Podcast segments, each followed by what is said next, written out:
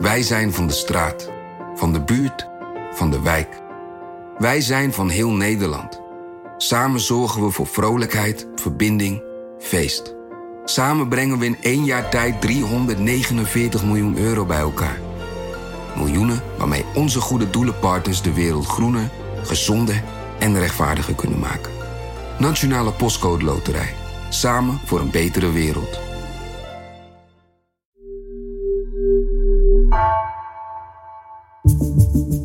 Vanaf de redactie van NRC het verhaal van vandaag. Mijn naam is Gabriella Ader.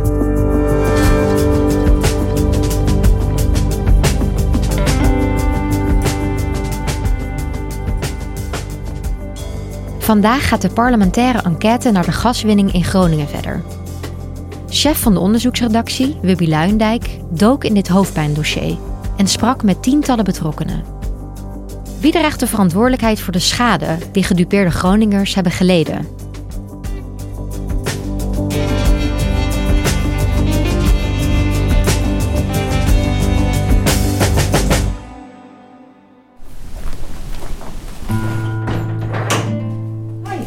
Hoe is het? Prima. Dan gaan we naar voren. Ja. Het ziet er prachtig uit. Deze maand eh, bezocht ik Jan Munneke in zijn eh, boerderij in Krewert. En Krewert is een dorpje in Noordoost-Groningen op het Hoge Land. Prachtige omgeving. Je kunt er bijna tot aan de Waddenzee kijken. En ehm, Jan die woont daar sinds 2009. Het is de boerderij van zijn vrouw, Liefke. En eh, Liefke is daar opgegroeid en haar voorouders woonden daar ook. En ze wist ook heel veel eh, van de geschiedenis van, van de boerderij, van het gebied. Nou ja, Liefke die zat in historisch onderzoek en boerderijonderzoek. En eh, ja, die heeft heel veel dingen uitgezocht. Dus het is hier eh, minimaal bewoond dat er een boerderij stond. Nou, van het jaar 800. Maar daarvoor was het waarschijnlijk ook al bebouwd. Maar eh, helaas is Liefke vorig jaar overleden. Ze moesten hun boerderij uit. Die is min of meer kapot gebeefd.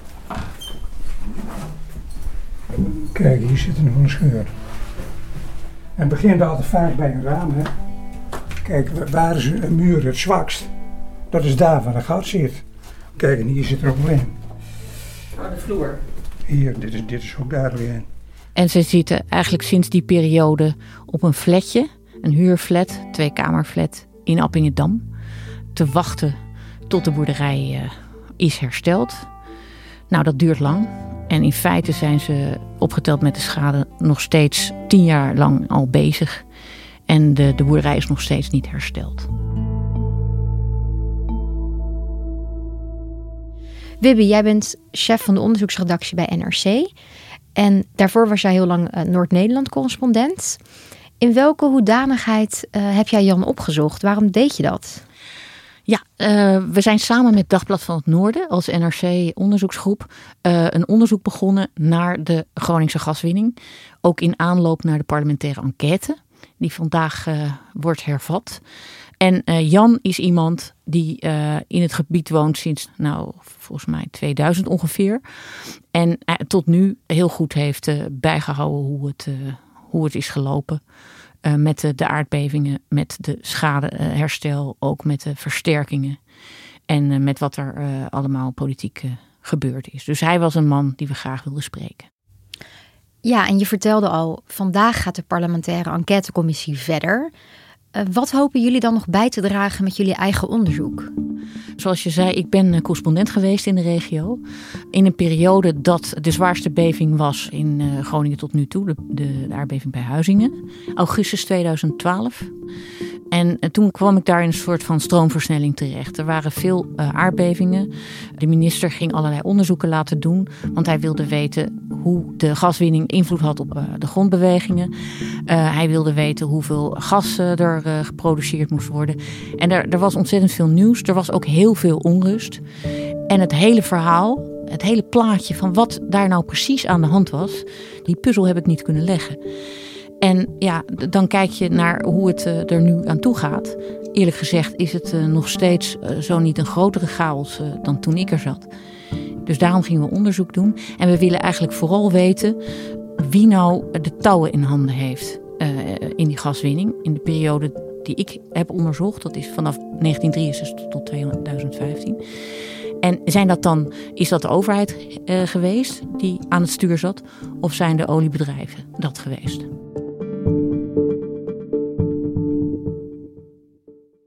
Want wat is hier zo onduidelijk aan?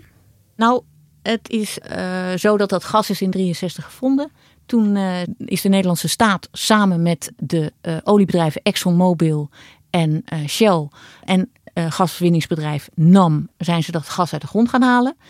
En nou ja, dan moet je dat gaan verkopen. Met z'n allen hebben ze toen een maatschap Groningen opgericht. Um, daar maken ze afspraken hoe, hoe ze dat gaan doen, wie welk deel krijgt. En dat is een wereld, wat daar afgesproken wordt, die gewoon niet zichtbaar is voor de gewone burgers. En uh, ook omdat dat uh, zich afspeelt in het bedrijfsleven, waar men ontzettend bang is om bedrijfsgevoelige informatie te delen. En ja, dat, dat is zo'n inkijkje krijg je niet zo snel. Nou kregen wij de kans om wel dat inkijkje te schetsen, omdat we de hand wisten te leggen op notulen van de vergaderingen van al die leden in mijn maatschap Groningen. En in die maatschap Groningen, daar zitten dan in de staat? De staat met twee bedrijven. Dat is uh, het staatsbedrijf uh, Energiebeheer Nederland, EBN. En directeur-generaal Economische Zaken. Dat zijn dus de twee staatspersonen. En verder de oliebedrijven. ExxonMobil, Shell en de directeur van NAM, die dus het gas uit de grond houdt in Groningen, die zit ook aan. En wat viel je op in die notulen? Ja, dat, uh, dat vond ik eerlijk gezegd uh, heel spannend uh, om te lezen. Je moet je voorstellen, ik zat daar dus als correspondent in die tijd. En nu las ik hoe die oliebedrijven en de staat spraken over de situatie waar ik op dat moment tussen zat. En dat was, uh, was toch uh, ontluisterend om te lezen. Wat dan? nou, vooral omdat uh, je ziet dat die staatsdeelnemers en dan dat, dat staatsbedrijf EBN en de topambtenaar van Economische Zaken, die gedragen zich echt heel bedrijfsmatig. Die kijken alleen naar, maar samen ook met die oliebedrijven en NAM, hoe kunnen we zoveel mogelijk winst halen? Was het eigenlijk al duidelijk dat dat boren naar gas risico's met zich kon meenemen? Nee hoor, die, die waren heel erg bekend. Bodemdaling was iets wat al heel snel duidelijk werd. Uh, toen er begonnen was met, uh, met gaswinning. Boeren zagen hun land verzakken. Waterschappen gingen ook hun grondwaterpeil aanpassen. Dus dat was al wel bekend. Uh, in 1993 is er in Nederland een club onderzoekers geweest die heeft gezegd: ja, die, die gaswinning leidt niet alleen tot bodemdaling. Die leidt ook tot aardbevingen, tot aardtrillingen. Maar de schade daarvan en de risico's daarvan zijn te overzien. Het blijft beperkt tot een aantal beschadigingen in muren, dat soort dingen. Dus ze wisten van die schades, maar veranderde dat iets? Nee, in de maatschap uh, uh, veranderde dat niet zoveel. Hè. Dat werd gezien als een beheersbaar probleem, een schadepost. En die schade keren we uit en uh, we winnen veel gas. Voor de staat liep de schatkist vol. Voor de bedrijven, hè, Exxon en, uh, en, en, Shell, stelden hun aandeelhouders tevreden. En, en dat, het ging er gewoon om om winst te maken. En bij schade, dan, ja, dan reserveer je een stukje van, uh, van de opbrengst voor de schade. Wanneer werden die gevaren echt serieus genomen? Ja, goede vraag. Uh, we hebben die beving gehad in Huizingen, augustus 2012. Groningen is voor de tweede keer in 24 uur opgeschrikt door een aardbeving. De zwaarste beving in zes jaar tijd. En wat je ziet is, uh, kort daarna gaat uh, de toezichthouder die we hebben in Nederland, die heet het staatstoezicht op de mijnen, die houdt in de gaten wat er uh, met de mijnbouw gebeurt. Die gingen sommetjes maken en die ontdekten, hé, hey, um, het, het kan veel zwaarder gaan beven dan we eigenlijk dachten. De gaswinning in Groningen moet drastisch worden teruggeschroefd om zware aardbevingen in de toekomst te voorkomen. Dat adviseert het staatstoezicht op de mijnen. En in de, in de maatschap zie je dat ze uh, na die waarschuwing van de toezichthouder um, ja, uh, alleen maar proberen dat alarm te demonteren. En uh, op de oude ingeslagen weg uit, na 1963 gewoon doorgaan. Namelijk winst maken, schatkist vol laten lopen en klaar. En het opvallende is dat uh, staatsbedrijf EBN en de topambtenaar van Economische Zaken de uh, oliebedrijven en, en ook gaswinningsbedrijven nam geen strobreed in de weg leggen. Die gaan er gewoon in mee? Die gaan er volstrekt in mee. En om het nog erger te maken, het jaar na Huizingen is er een, eh, een record hoeveelheid gas gewonnen. Eigenlijk mag er elk jaar maar 42,5 miljard kuub gas uit het Groningse gasveld worden gewonnen. Dat er vorig jaar meer gas uit het veld zou worden gehaald was al duidelijk. Maar een overschrijding met meer dan 10 miljard kuub wordt door deskundigen als fors bestempeld. En toen steeg ook het aantal bevingen tot 119 per jaar. De gaswinning in Groningen heeft in 2013 een recordaantal bevingen veroorzaakt. Die stijging valt samen met een flink hogere gasproductie. Hoe kan dat? Ja, dat is een goede. Ehm, de minister en het kabinet zeiden uh, na Huizingen... SODM waarschuwt nu wel. Maar dat zijn uh, anderhalve man en een paardenkop. Uh, en dat zijn ook niet de, de meest doorgeleerde types. We gaan onderzoekers over de hele wereld vragen hoe het zit. Dus minister Kamp zei, ik heb uh, nou, ik geloof 14 onderzoeken nodig voordat ik echt een besluit kan nemen. En intussen blijven ze gewoon doorboren? Gewoon door zijn, zijn ze blijven boeren. En het opvallende is, die maatschapsnotulen, nou heb ik, noem ik het maar weer, die laten zien dat in die maatschap ze in juni al weten, uh, in juni 2013, dus een half jaar na Huizingen, of bijna ja, drie kwart jaar na Huizingen, dat ze dat jaar een recordhoeveelheid gaan oppompen. Dat doen ze dus wel bewust. Dat doen ze met een plan. Dat weten ze. Dat weet dus ook staatsbedrijf EBN. Dat weet ook de topambtenaar van EZ. En ze weten ook welke schade ze ermee kunnen aanrichten. Ja, dat, uh, nou ja, op papier weten ze dat. Maar ik denk niet dat dat uh, helemaal tot ze doordringt. En dan kom je bij, bij Jan en Liefke. En dan zie je wat, er, wat het gedaan heeft. Want welke schade had de boerderij van Jan en Liefke opgelopen? Ja, die eerste keer dat, uh, dat zij schade hadden was vlak na Huizingen, uh, dus 2012. Daarna kwamen er nog een hele reeks bevingen. En er waren er twee uh, die nog veel meer impact hadden op de schade in hun huis. In 2013, als ik het goed heb, en eentje in 2014. En iedere beving ja, raakte die boerderij verder ontwricht eigenlijk. En de schuur klapte bij, bijna in elkaar. Op een gegeven moment worden ze wakker, midden in de nacht. Opeens hoor je een knal en dan een enorme herrie. En alles staat te rammelen en te schudden. En overal waar de speling zit, of, of ja, dat, dat begint te kraken en, en aan elkaar te trekken is er een beving van drie. En dan, uh, dan zijn ze als de dood dat de schoorsteen op hun, hun hoofd valt. Want in de slaapkamer zit die schoorsteen. Dus ze ontvluchten die kamer. En uh, toen zijn we op een slaapkamer aan de voorkant gaan slapen. Dus maar we vertrouwden het niet. En ze hebben toen een heleboel scheuren kregen ze en een, en een muur die scheef stond en misschien wel om ging vallen. Nou, en toen gingen we naar die aardbeving van 2,7. Gingen we direct de volgende dag kijken bij die muur. En die stond 20 centimeter uit lood. Die stond helemaal scheef. En wat hebben ze toen gedaan? Hebben ze ergens aan de bel getrokken? Zeker, ze hebben een schadedossier. En voortdurend uh, melden ze dan, uh, bij iedere nieuwe schade melden ze zich weer uh, bij NAM. En dan word je een complex schadegeval. En toen is er, dus iedere keer komt er dan iemand van de NAM langs om de schade op te nemen. En wat gebeurt er dan? Ze erkennen de schade, uh, maar um, voor een deel. Uh, en ze zeggen ja, dat is mis wat daar zit. Maar uh, het zou wel eens kunnen komen door het grondwater, wat op een verkeerde hoogte staat. Of er is een storm geweest. Komt het daar niet door? Liefke wees naar het dak. En die man zei: nee hoor, mag ik niet op. Te gevaarlijk, CAO, hupplepups. En uh, ze, ze wilde hem ook uh, naar de kelder brengen. En toen zei hij, uh, nee, ga ik ook niet naar kijken. Fundamenten, dat mag niet van de baas. Hè. Staat niet in het, in het handboek. Toen ging het dus veel beven. En dat was levensgevaarlijk. Dus toen hebben we op eigen initiatief hebben wij gezegd, stutten die zaak. En uh, hebben ze 83 uh, vurenhouten stutten om hun huis uh, moeten zetten. En die hebben ze zelf betaald. Of die betalen ze zelf.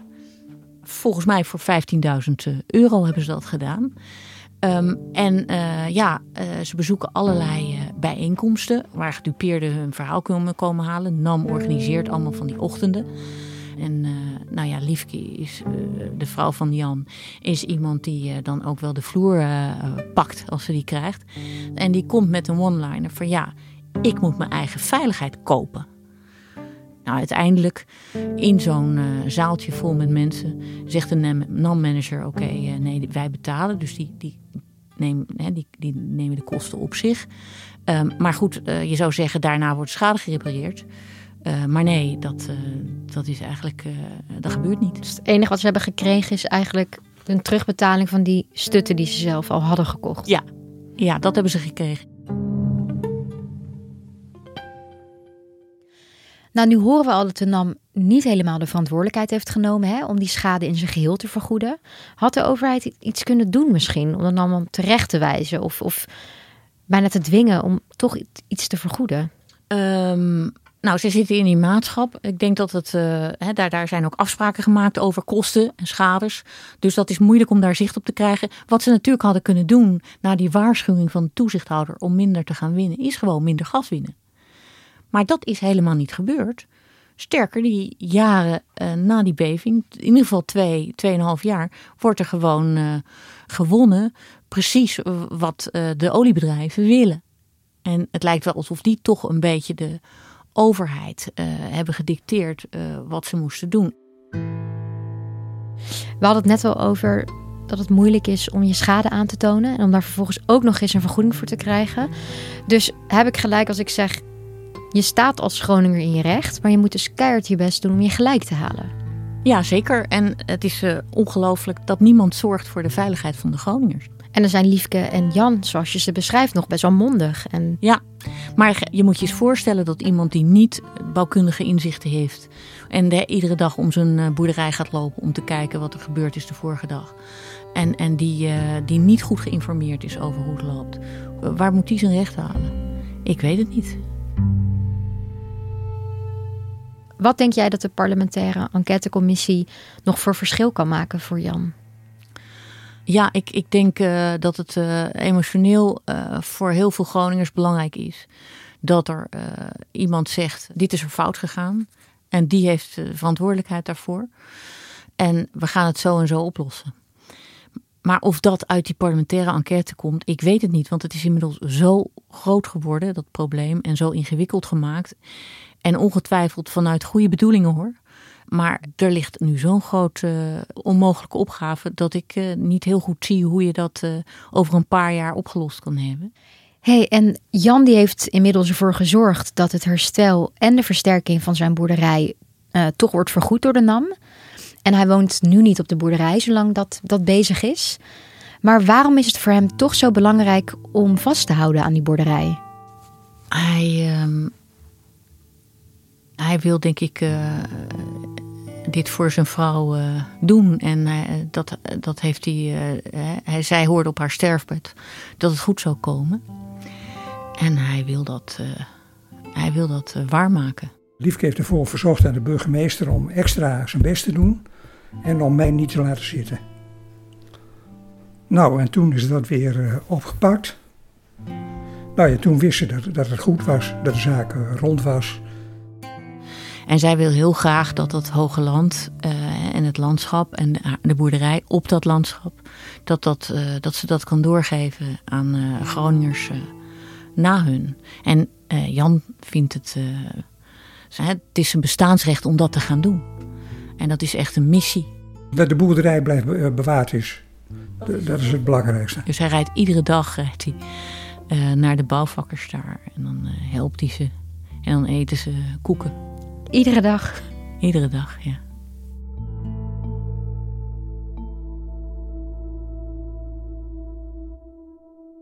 Wubby, je gaat de parlementaire enquête voor ons in de gaten houden. Ja. Dankjewel voor je verhaal. Graag gedaan.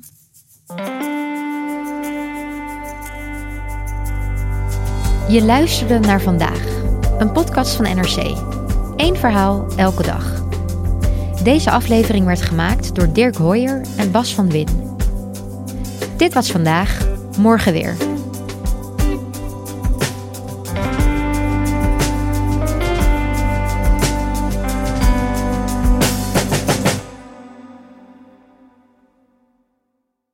Je hebt aardig wat vermogen opgebouwd. En daar zit je dan, met je ton op de bank. Wel een beetje saai, hè? Wil jij, als belegger, onderdeel zijn van het verleden of van de toekomst? Bridgefund is een slimme fintech die een brug slaat tussen de financiële behoeften van ondernemers en van beleggers. Dus wie belegt bij Bridgefund krijgt niet alleen een mooie vaste rente, maar brengt ook ondernemers in beweging. Echt waar. Met die ton kan je zoveel betere dingen doen. Bridgefund. Make money smile.